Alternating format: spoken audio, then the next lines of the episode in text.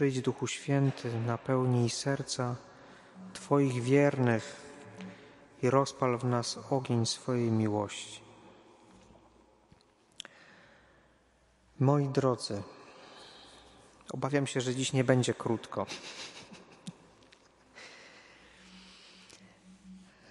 Zróbmy krótkie podsumowanie, żeby wejść znowu w nasz tok myślenia. Przeszliśmy przez inicjację chrześcijańską, przez zaślubiny z Kościołem, przez zanurzenie w Bogu, czyli przez chrzest święty. I to, że jesteśmy zanurzeni w Bogu, widzimy jakoś na nowo, świeżo, ponieważ patrzymy inaczej. Przekroczyliśmy nasz sposób myślenia. Wiemy też, że jesteśmy zanurzeni w tym Bogu, który jest. On jest. On jest i ja jestem. I z tym Bogiem wchodzimy w komunię świętą i ze sobą nawzajem w świętą komunię, czyli w święte zjednoczenie, czyli stajemy się ciałem samego Pana, którego On jest głową. I to wszystko następuje w Eucharystii. Eucharystia więc prowadzi nas do uczestnictwa w Bogu, do przebóstwienia. Używając tego sformułowania świętego Augustyna, które jest mocne, ale prawdziwe, dlaczego Bóg stał się człowiekiem? Po to, żeby człowiek stał się Bogiem. On wręcz używa po to, żeby człowiek stał się Bogiem. I nie mam wątpliwości, że Augustyn również tutaj miał na względzie Eucharystię, to święte zjednoczenie, świętą komunię. My stajemy się Bogiem. Oczywiście w kontekście tej najświętszej ofiary. I warte jest przypomnienia również to, ponieważ jest to też ważne, to jest istotą Eucharystii i istotą naszego życia, jako życia Eucharystią, że to wszystko dzieje się przez wyzywanie Ducha Świętego, który jest tą mocą ożywiającą, porządkującą, naprawiającą cały świat. Że tak jak w Eucharystii się to dzieje, że przyzywamy Ducha i z darów eucharystycznych, tak prostych, prozaicznych, jak chleb i wino zmieszane z wodą, że w tych darach wstępuje do nas sam Pan, którego wołamy, czy witamy słowami święty, święty, święty, Pan Bóg zastępów i On wstępuje na ołtarz. Przez wezwanie ducha, tak samo wyrazem naszego życia eucharystycznego, które się nie kończy na Bogu niech będą dzięki po błogosławieństwie, tylko jesteśmy posłani nasze życie eucharystyczne ma się tak urzeczywistniać w świecie, że mamy wyzywać Ducha Świętego nad światem.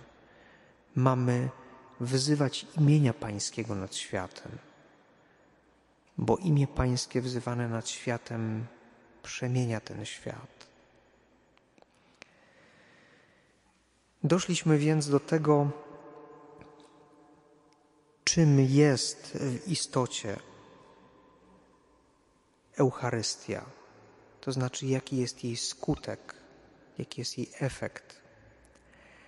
Ale nie mniej ważne jest też dla przeżywania Eucharystii i dla jakiegoś lepszego jej może zrozumienia na tyle, na ile możemy zrozumieć Eucharystię, to co się tu dzieje. Zwrócenie uwagi na formę. Mówimy o Eucharystii, w ogóle Msza Święta ma kilka nazw, które są używane. To jest oczywiście właśnie msza święta, to jest od tych słów ite missa est, czyli idźcie, jesteście posłani. Jest to Eucharystia, czyli dziękczynienie. I e, również Najświętsza Ofiara, znamy to określenie, oraz na przykład uczta pańska te wszystkie określenia jakoś funkcjonują. My ich może na co dzień tak nie wszystkie je zauważamy. uważamy je za synonimy, no tak, żeby nie musieć cały czas mówić msza święta, msza święta, no to najświętsza ofiara, tak to wzniośle brzmi, jest adekwatne, no to poużywajmy tego, jest fajnie. Ale tak się składa, że te dwie nazwy, Najświętsza Ofiara i Uczta Pańska, nad nimi chciałbym się zatrzymać dzisiaj. One mają niesłychaną głębię, w której można w taki dobry sposób się zanurzyć też w kontemplacji tej tajemnicy Eucharystii. Zresztą do tego dojdzie nam jeszcze to jedno określenie Eucharystia. Kiedy Pan Jezus sprawuje w czwartek przed swoją męką w wieczerniku pierwszą Eucharystię, sprawuje on, czy obchodzi on ni mniej, ni więcej tylko ucztę paschalną. Oto trwały spory w ogóle, czy to była uczta paschalna, czy nie, według jakiego kalendarza. My to zostawiamy. E, polecam lekturę Jezusa z Nazaretu, Benedykta XVI, drugiej części. Benedykt tam rozstrzyga. To jest autorytet teologiczny dla mnie i myślę, że dla wszystkich. On rozstrzyga. Jezus Chrystus sprawował ucztę paschalną. Dlatego, jeśli my patrzymy na Eucharystię, czy zastanawiamy się nad Eucharystią, nie możemy nie spojrzeć, nie przyjrzeć się temu, czym jest uczta paschalna dla Żydów, ta uczta paschalna, która była właśnie sprawowana przez Jezusa. W tym celu musimy zajrzeć do Księgi Wyjścia. My te czytania na pewno też znamy, kojarzymy je.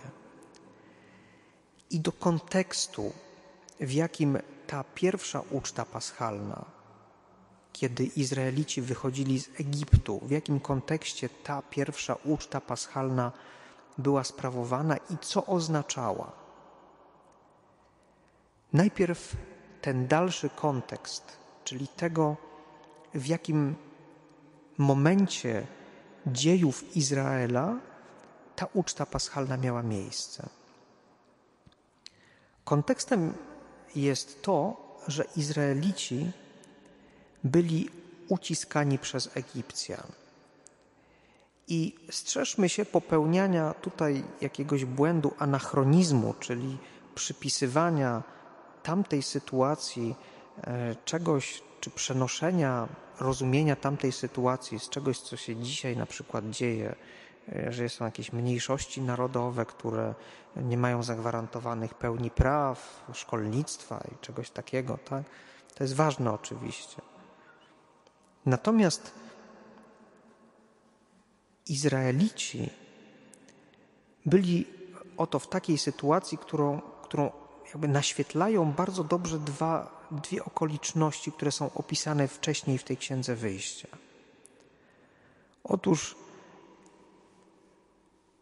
panuje wówczas faraon, który nie znał już Józefa, tego Józefa egipskiego, który był wielkim i świętym mężem, zarządcą wszystkich posiadłości faraona, który wytłumaczył sny faraonowi i ocalił w ten sposób Egipt od śmierci głodowej, a więc miał wielkie zasługi i sprowadził też do Egiptu swoich, swojego protoplastę, swojego ojca Jakuba i całe swoje pokolenie.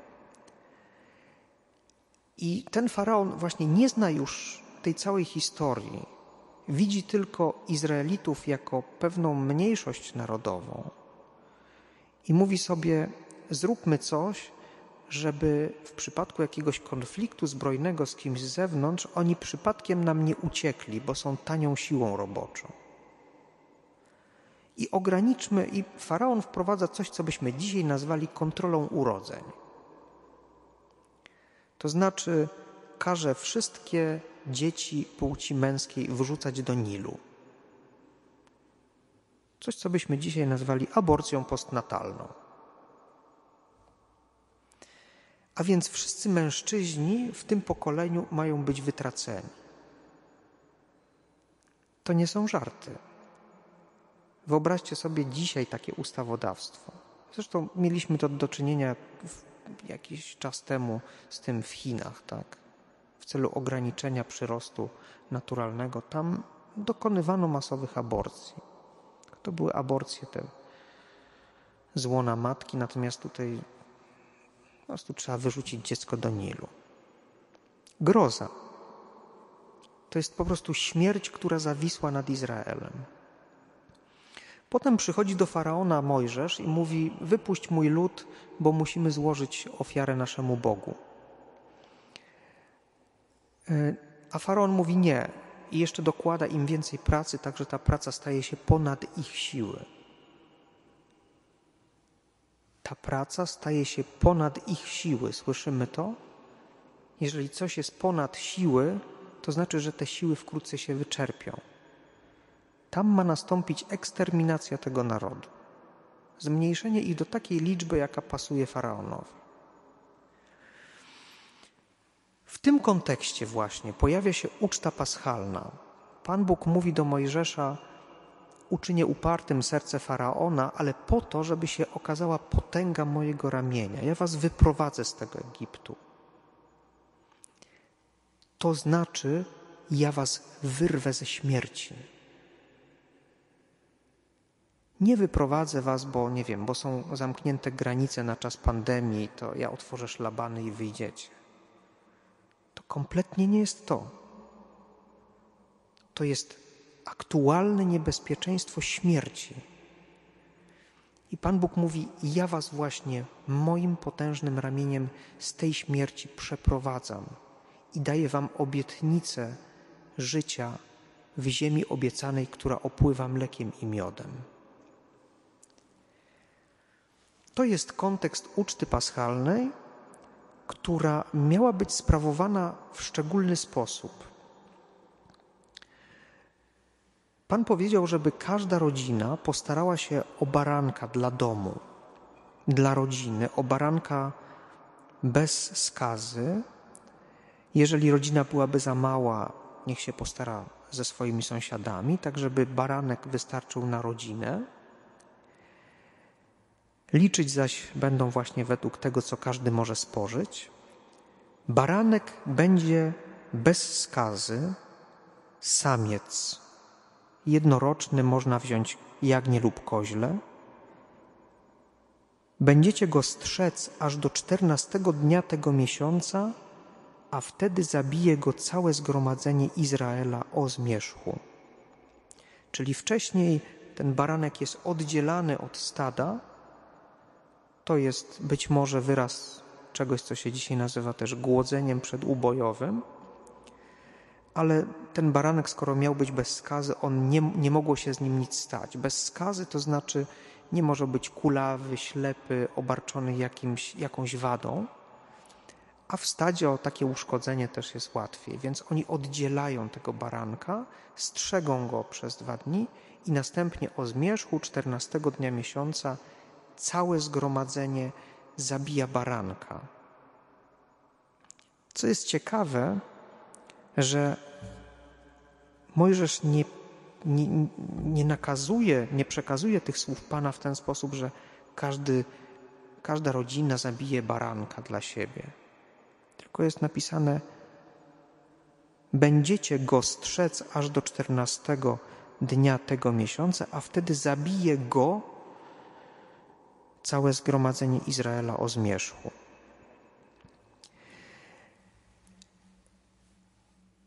Izraelici mieli zabić tego baranka i urządzić ucztę. Tutaj muszę zrobić małą dygresję, ponieważ my dzisiaj tego słowa uczta to już chyba do końca nie czujemy tak, jak powinno się czuć to słowo, czy rozumieć. Dzisiaj po prostu otwieramy lodówkę i mamy kabanoski, mięsko, ser żółty, biały, czerwony, pomarańczowy, sałatę, ogórki przez cały rok i tak dalej. No mamy róg obfitości tak naprawdę. I jeszcze prowiant suchy w szafkach w pełni. Tak. Kiedyś właśnie uczta Ucztę wyprawiano raz, dwa razy do roku ze specjalnych okazji, tylko ze specjalnych okazji. Na co dzień pożywieniem Izraelitów, który po wyjściu z Egiptu stał się takim ludem półkoczowniczym, potem był takim półosiadłym, półkoczowniczym. Wcześniej też byli nomadami, czyli wędrującymi ze swoimi trzodami przez e, te ziemię Azji Mniejszej, Bliskiego Wschodu, może tak lepiej to nazwać, w poszukiwaniu pożywienia dla tych owiec. I oni się żywili bardzo prosto. Podstawowym pożywieniem był chleb, ukwaszony albo nie, przekwaszony nabiał, ponieważ przekwaszony nabiał w taki zdrowy sposób był po prostu bezpieczny dla zdrowia. I jakiś tłuszcz, oliwa. To było wszystko. Mięsa nie było na co dzień, bo jak się zabiło barana, owce, cokolwiek, to nie można już było mieć z tego wełny, nie można było mieć z tego nabiału. A więc mięso było na specjalne okazje. Dlatego zauważmy właśnie, że przy wyjściu z Egiptu Pan, to Pan nakazuje Izraelitom urządzić ucztę. Słuchajcie, jest taka okazja, że, będziecie, że macie to obchodzić i wspominać do końca waszych dni. To jest uczta na cześć Pana, który was wyprowadza ze śmierci, który was ratuje ze śmierci. I mówi im, w jaki sposób oni tę ucztę mają spożywać. Mają upiec tego baranka w gorzkich ziołach, w całości, czyli nie wyciągając wnętrzności, i mają zakaz łamania kości temu barankowi. To są szczegóły, które dla nas wydawałyby się, czytając z dzisiejszej perspektywy, no może te gorzkie zioła by nas, no wszystko nas zastanawia. Po co takie szczegóły w ogóle? Po co to? Te gorzkie zioła i mają spożywać tę wieczerzę, tę, tę ucztę przepasani i z laską w ręku, to znaczy gotowi do wyjścia.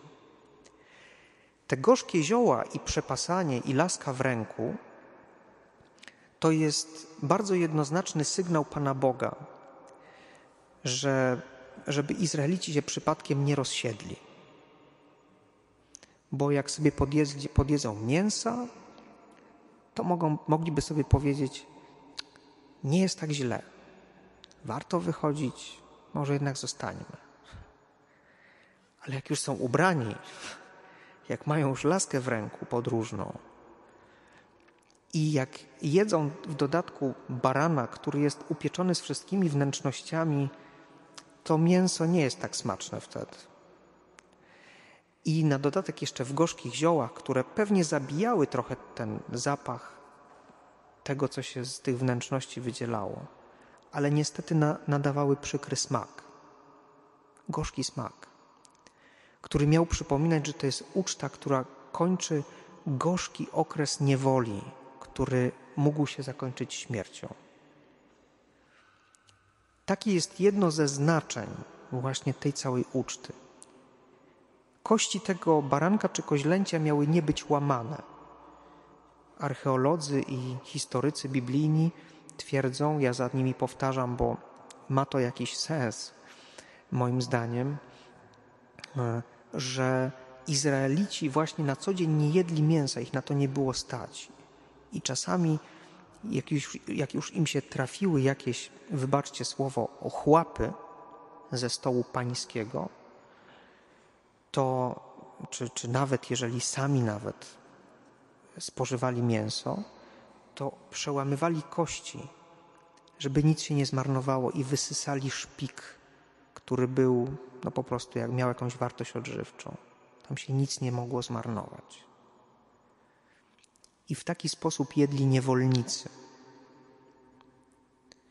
Pan Bóg im mówi przez to: przestajecie być niewolnikami. Macie nie łamać kości, macie się nasycić mięsem, które jest pełnowartościowe, który jest, które jest pożywieniem człowieka wolnego. Ja was czynię wolnymi. I jest jeszcze jeden szczegół, na który koniecznie trzeba zwrócić uwagę. I wezmą krew baranka i pokropią nią odrzwia i progi domu, w którym będą go spożywać. Po co? Bo jak pamiętamy, tej nocy, kiedy Izraelici spożywają ucztę paschalną, Pan Bóg posyła anioła śmierci. I krew baranka, którą są pokropione odrzwia i progi domów, jest znakiem, jest znakiem, że to miejsce jest azylem, że to miejsce, które jest pokropione krwią baranka paschalnego, jest wolne od śmierci. Mówiąc inaczej, że w tym miejscu jest życie. Krew w ogóle jest u Semitów, szczególnie u Żydów, tak jak to czytamy potem w całym pięcioksięgu, ten motyw się pojawia. Krew jest symbolem życia. Żydzi byli przekonani, że krew jest życiodajna. Dlatego Żydzi do tej pory ortodoksyjni wystrzegają się krwi, nie mogą spożywać potraw, potraw z krwią.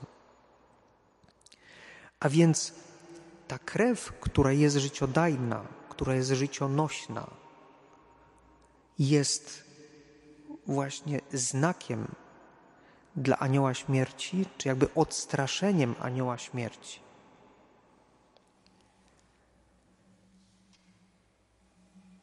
Tyle o uczcie paschalnej. Może na ten moment niech wystarczy.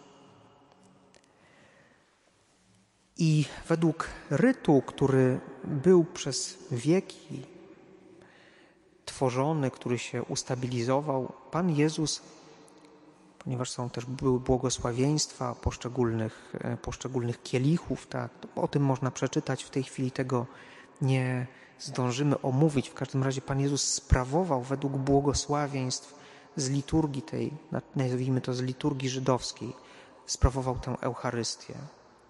Ślady tej żydowskiej liturgii są również w naszym mszale rzymskim. To błogosławieństwo, które wypowiadamy na ofiarowanie darów, najczęściej wtedy w kościołach się śpiewa, ale może dzisiaj nie będziemy śpiewać. Księże Łukaszu. E, błogosławiony jesteś, Panie, Boże Wszechświata bo dzięki Twojej hojności otrzymaliśmy chleb. I ta druga modlitwa, błogosławiony jesteś Panie, Boże Wszechświata, bo dzięki Twojej hojności otrzymaliśmy wino. To są modlitwy związane właśnie z tą żydowską liturgią paschalną. To było błogosławieństwo tego, co na tej uczcie było.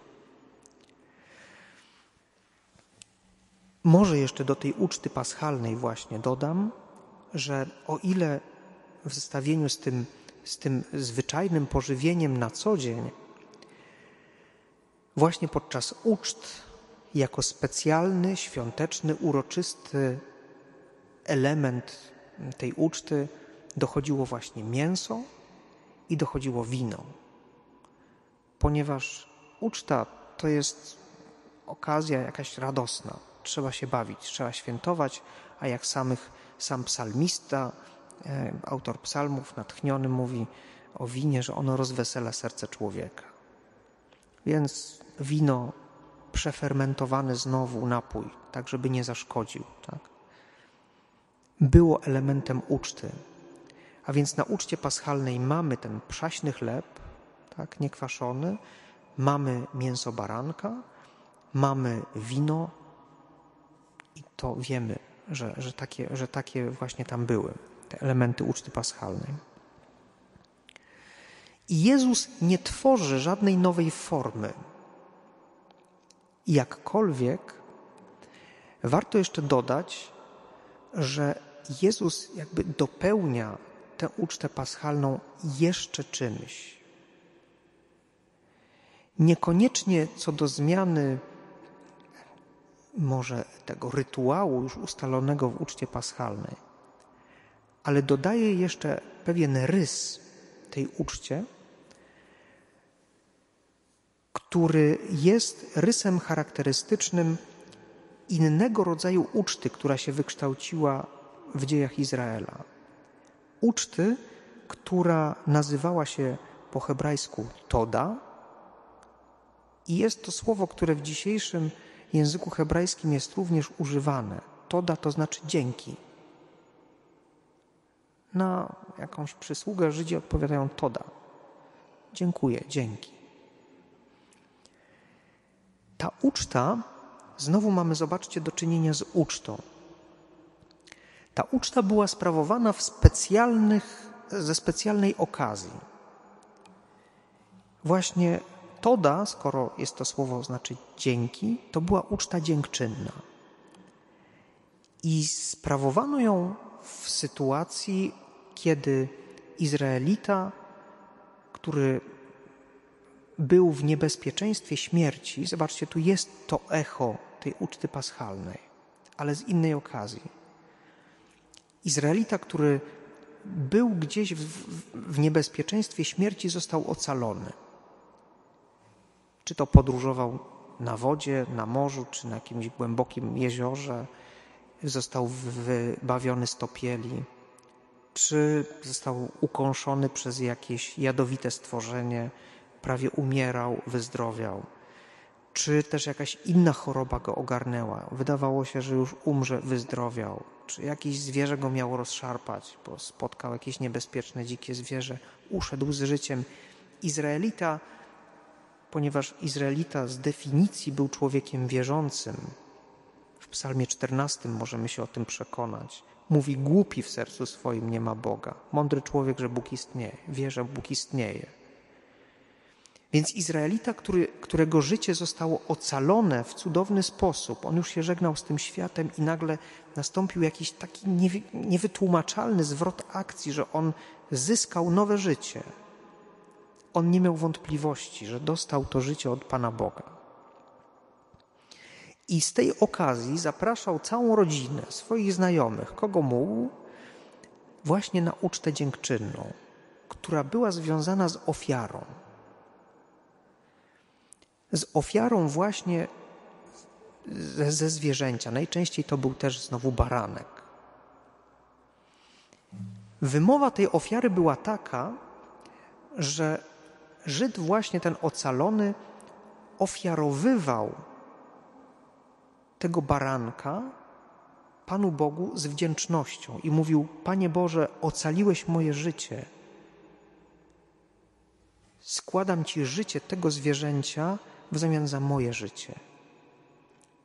Wylewam Jego krew w podzięce za to, że ocaliłeś moją krew, czyli moje życie. Nie była to ofiara całopalna. Kiedy dokonał, się pewien rytuał, tak, te ofiarowania tego już upieczonego, oczywiście e, barana, czy przyrządzonego, wszyscy zasiadali do uczty, mając się pożywić mięsem tego zwierzęcia. A znaczenie było tego takie, że to sam Bóg zaprasza człowieka do wspólnoty stołu i mówi mu, jakby potwierdzając tę intuicję tego uratowanego: Tak, ocaliłem Cię, dałem Ci nowe życie. Ty teraz ciałem tego baranka, mięsem tego baranka, posil się właśnie na to nowe życie, które ja Ci daję. Człowiek zasiada we wspólnocie stołu z Panem Bogiem, jakby ucztuje z Panem Bogiem przy jednym stole. Dla Żydów, w ogóle dla Semitów w mentalności Bliskiego Wschodu, wymowa uczty, wspólnej uczty jest bardzo mocna. Do stołu nie zaprasza się byle kogo. Do stołu zaprasza się najbliższych. Oczywiście zbłąkanego wędrowca trzeba nakarmić, ale niekoniecznie zaprasza się go aż tak w, w aż tak bliskie rejony. I tutaj sam Bóg zaprasza człowieka na ucztę i mówi mu: przyjmuję tę ofiarę, którą Ty mi dałeś, a teraz ja Ci ją oddaję. Proszę, posil się na nowe życie. Usłyszmy to jeszcze raz, że ta uczta nazywa się Toda, czyli dziękczynienie, czyli po grecku Eucharystia. Zobaczcie, moi drodzy, jak te wszystkie wątki zbiegają się teraz w samej Eucharystii. W tym, co my znamy jako Eucharystia. Ale patrząc na opisy, te, które znamy, tej uczty paschalnej, czy przekazy uczty paschalnej, tej, którą sprawował sam Pan, widzimy tam, że Pan Jezus łamał chleb, błogosławił kielich z winem, ale gdzie jest baranek?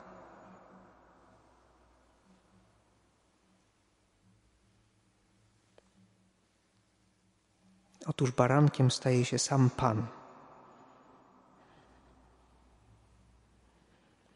To się dzieje w jakiś przedziwny sposób, mistyczny.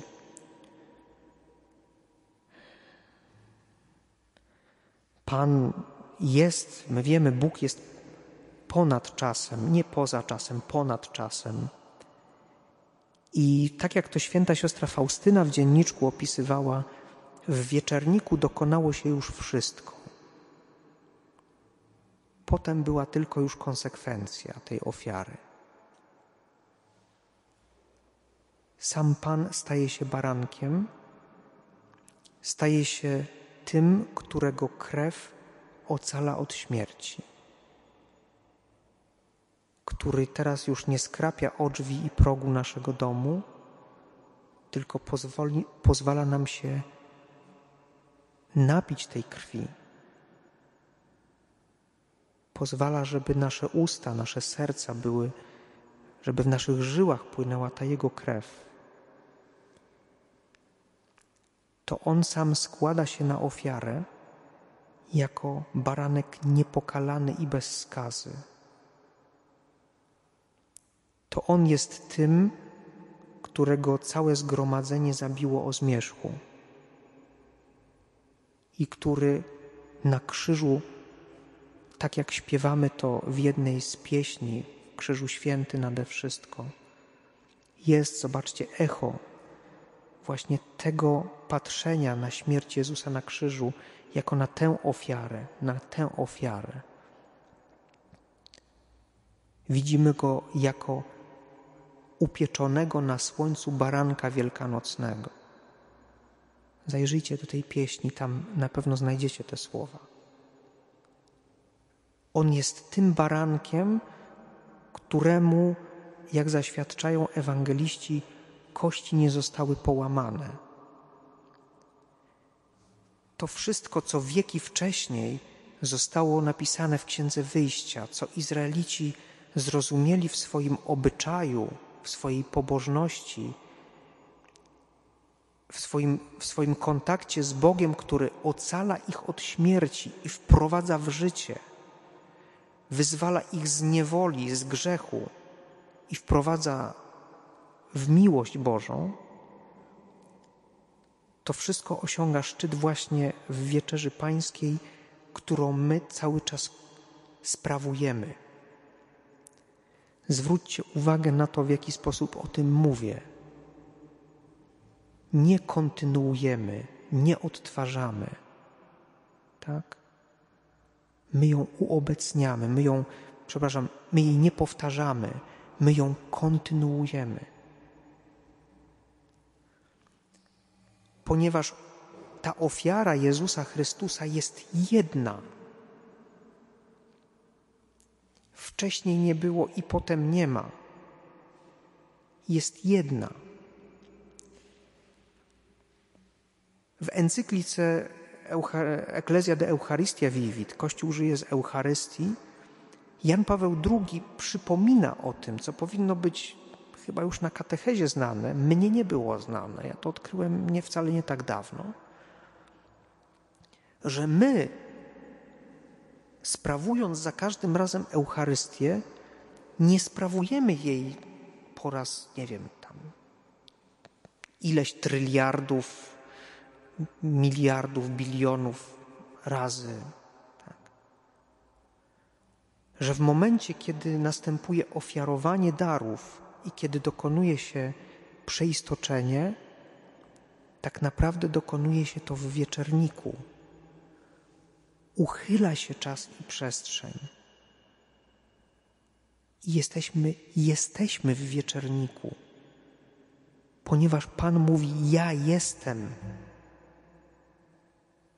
Czas jest dla nas, czas ogranicza nas, ale nie Jego.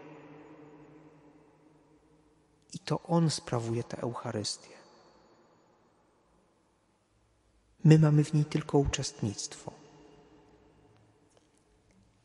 I to On, jako baranek niepokalany i bez skazy, zaprasza nas do swojego stołu. I to On mówi: To jest moje ciało, którym Ty masz się nakarmić, ponieważ ja zgładziłem Twój grzech właśnie, to znaczy ocaliłem Cię od śmierci. A teraz karmię Cię tym moim ciałem, ciałem baranka paschalnego na nowe życie. Oto baranek Boży,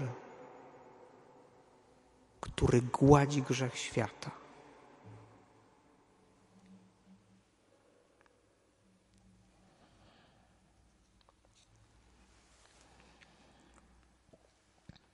Ale ktoś mógłby zapytać, po co to?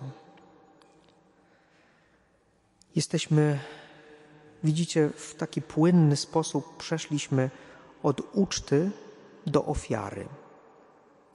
Zauważcie, że te dwa wymiary Eucharystii w, Eucharystii się łączą bardzo ściśle, one się przeplatają.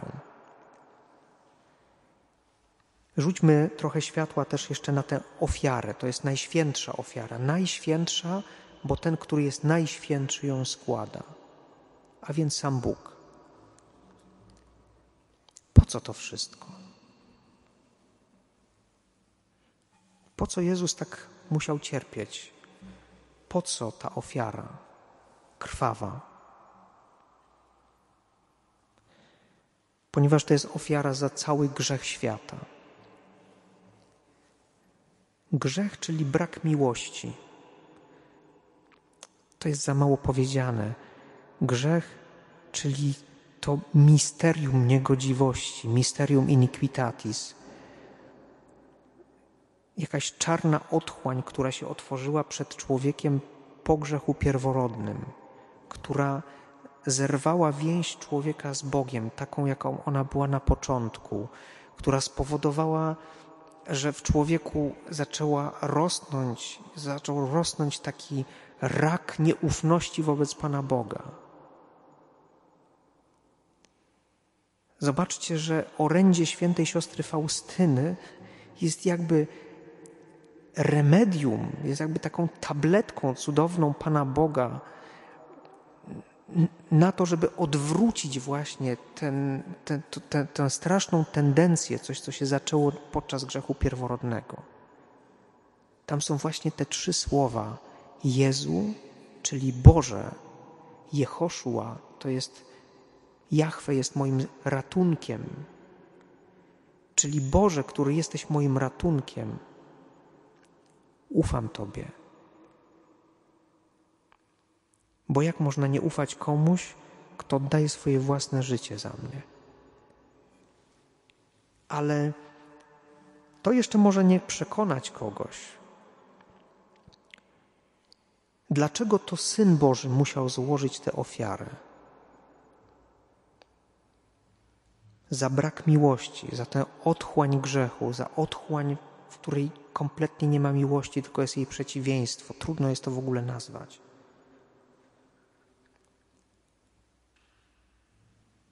On złożył tę ofiarę,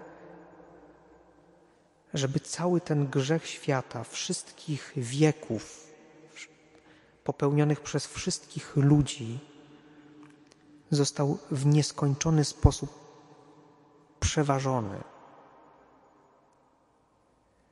Przypomnijmy sobie chociażby XX wiek. te ogromne zbrodnie, dziesiątki milionów ludzi zostało po prostu zgładzonych w męczarniach, w komunistycznych łagrach, w komunistycznych, przecież cała Azja była tym pożarem komunizmu ogarnięta. Wietnam, Kambodża, Chiny, Związek Radziecki oczywiście, a na zachodzie Europy faszyzm. I to jest tylko XX wiek. Ale co szukać XX wieku? XXI. Rocznie, jak podaje, wybacz księże Łukaszu, ale to już nawet Wikipedia tak podaje, tak? Rocznie dokonuje się blisko 60 milionów aborcji. 60 milionów aborcji.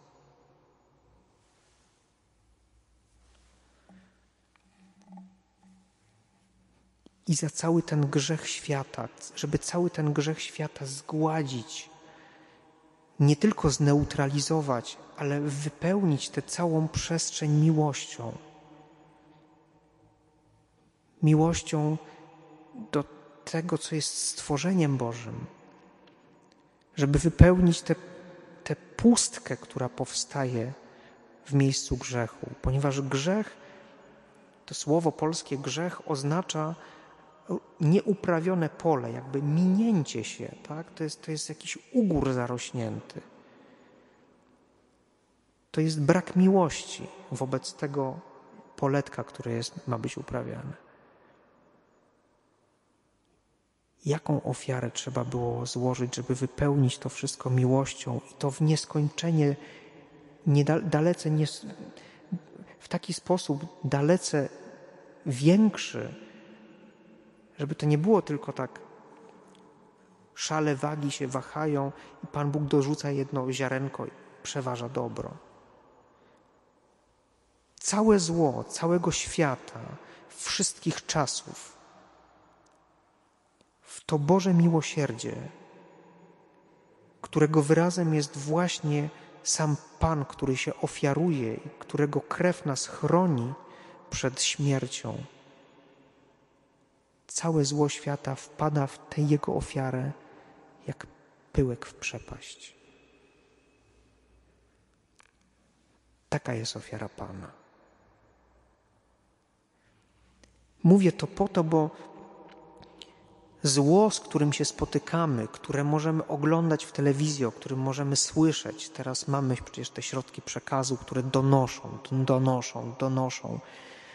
My możemy się poczuć tacy przygniecieni, stłamszeni tym. Pamiętajcie, na wszystko Was zaklinam, pamiętajcie.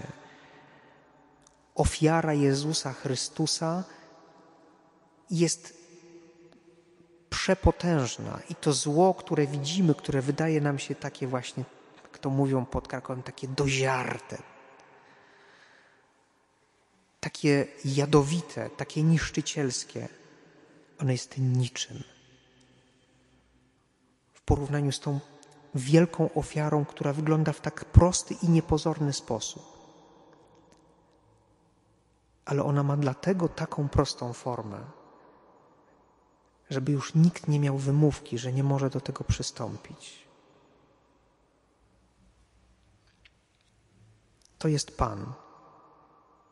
To jest Jego ofiara której mocą On nas wprowadza do życia. O tym jest całe Pismo Święte. O tym są dzisiejsze czytania.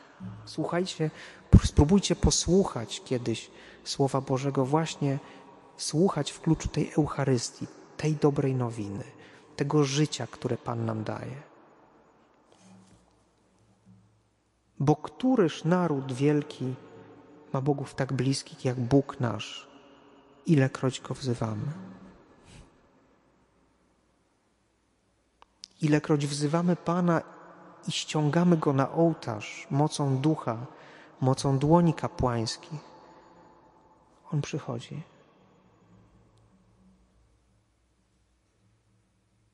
Nie sądźcie, że przyszedłem znieść prawo albo proroków. Nie przyszedłem znieść, ale wypełnić. Bo na czym polegają prawo i prorocy, jak sam Pan wyjaśnia? Na miłości Boga i bliźniego. A ofiara, którą On złożył, jest właśnie niesko wyrazem nieskończonej miłości do swojego Ojca, do Boga, naprawienia tego wielkiego zła, które się zadziało podczas grzechu pierworodnego, czyli zerwania więzi człowieka z Bogiem. Chrystus to naprawia. Nikt wcześniej nie był w stanie nawiązać znowu tej tak bliskiej relacji. I Chrystus jest właśnie temu posłuszny. I on wie, że w tym ciele ludzkim on właśnie ma tego dokonać, aby znowu przez krew, przez krew, która jest życiem, żeby wejść znowu w relację z Ojcem, bo tego chce Ojciec dla człowieka. I jednocześnie jest to nieskończona miłość do ludzi, którzy sami właśnie nie umieli pokonać tego dystansu, który się wytworzył po zerwaniu więzi z grzechem, w grzechu pierworodnym. On nas, jak święty Paweł naucza, przenosi do Królestwa Ojca. On właśnie wypełnia w sposób doskonały i jedyny prawo i proroków właśnie w Eucharystii. Przesadziłem, przepraszam, ale obiecuję, że konferencja będzie krótsza.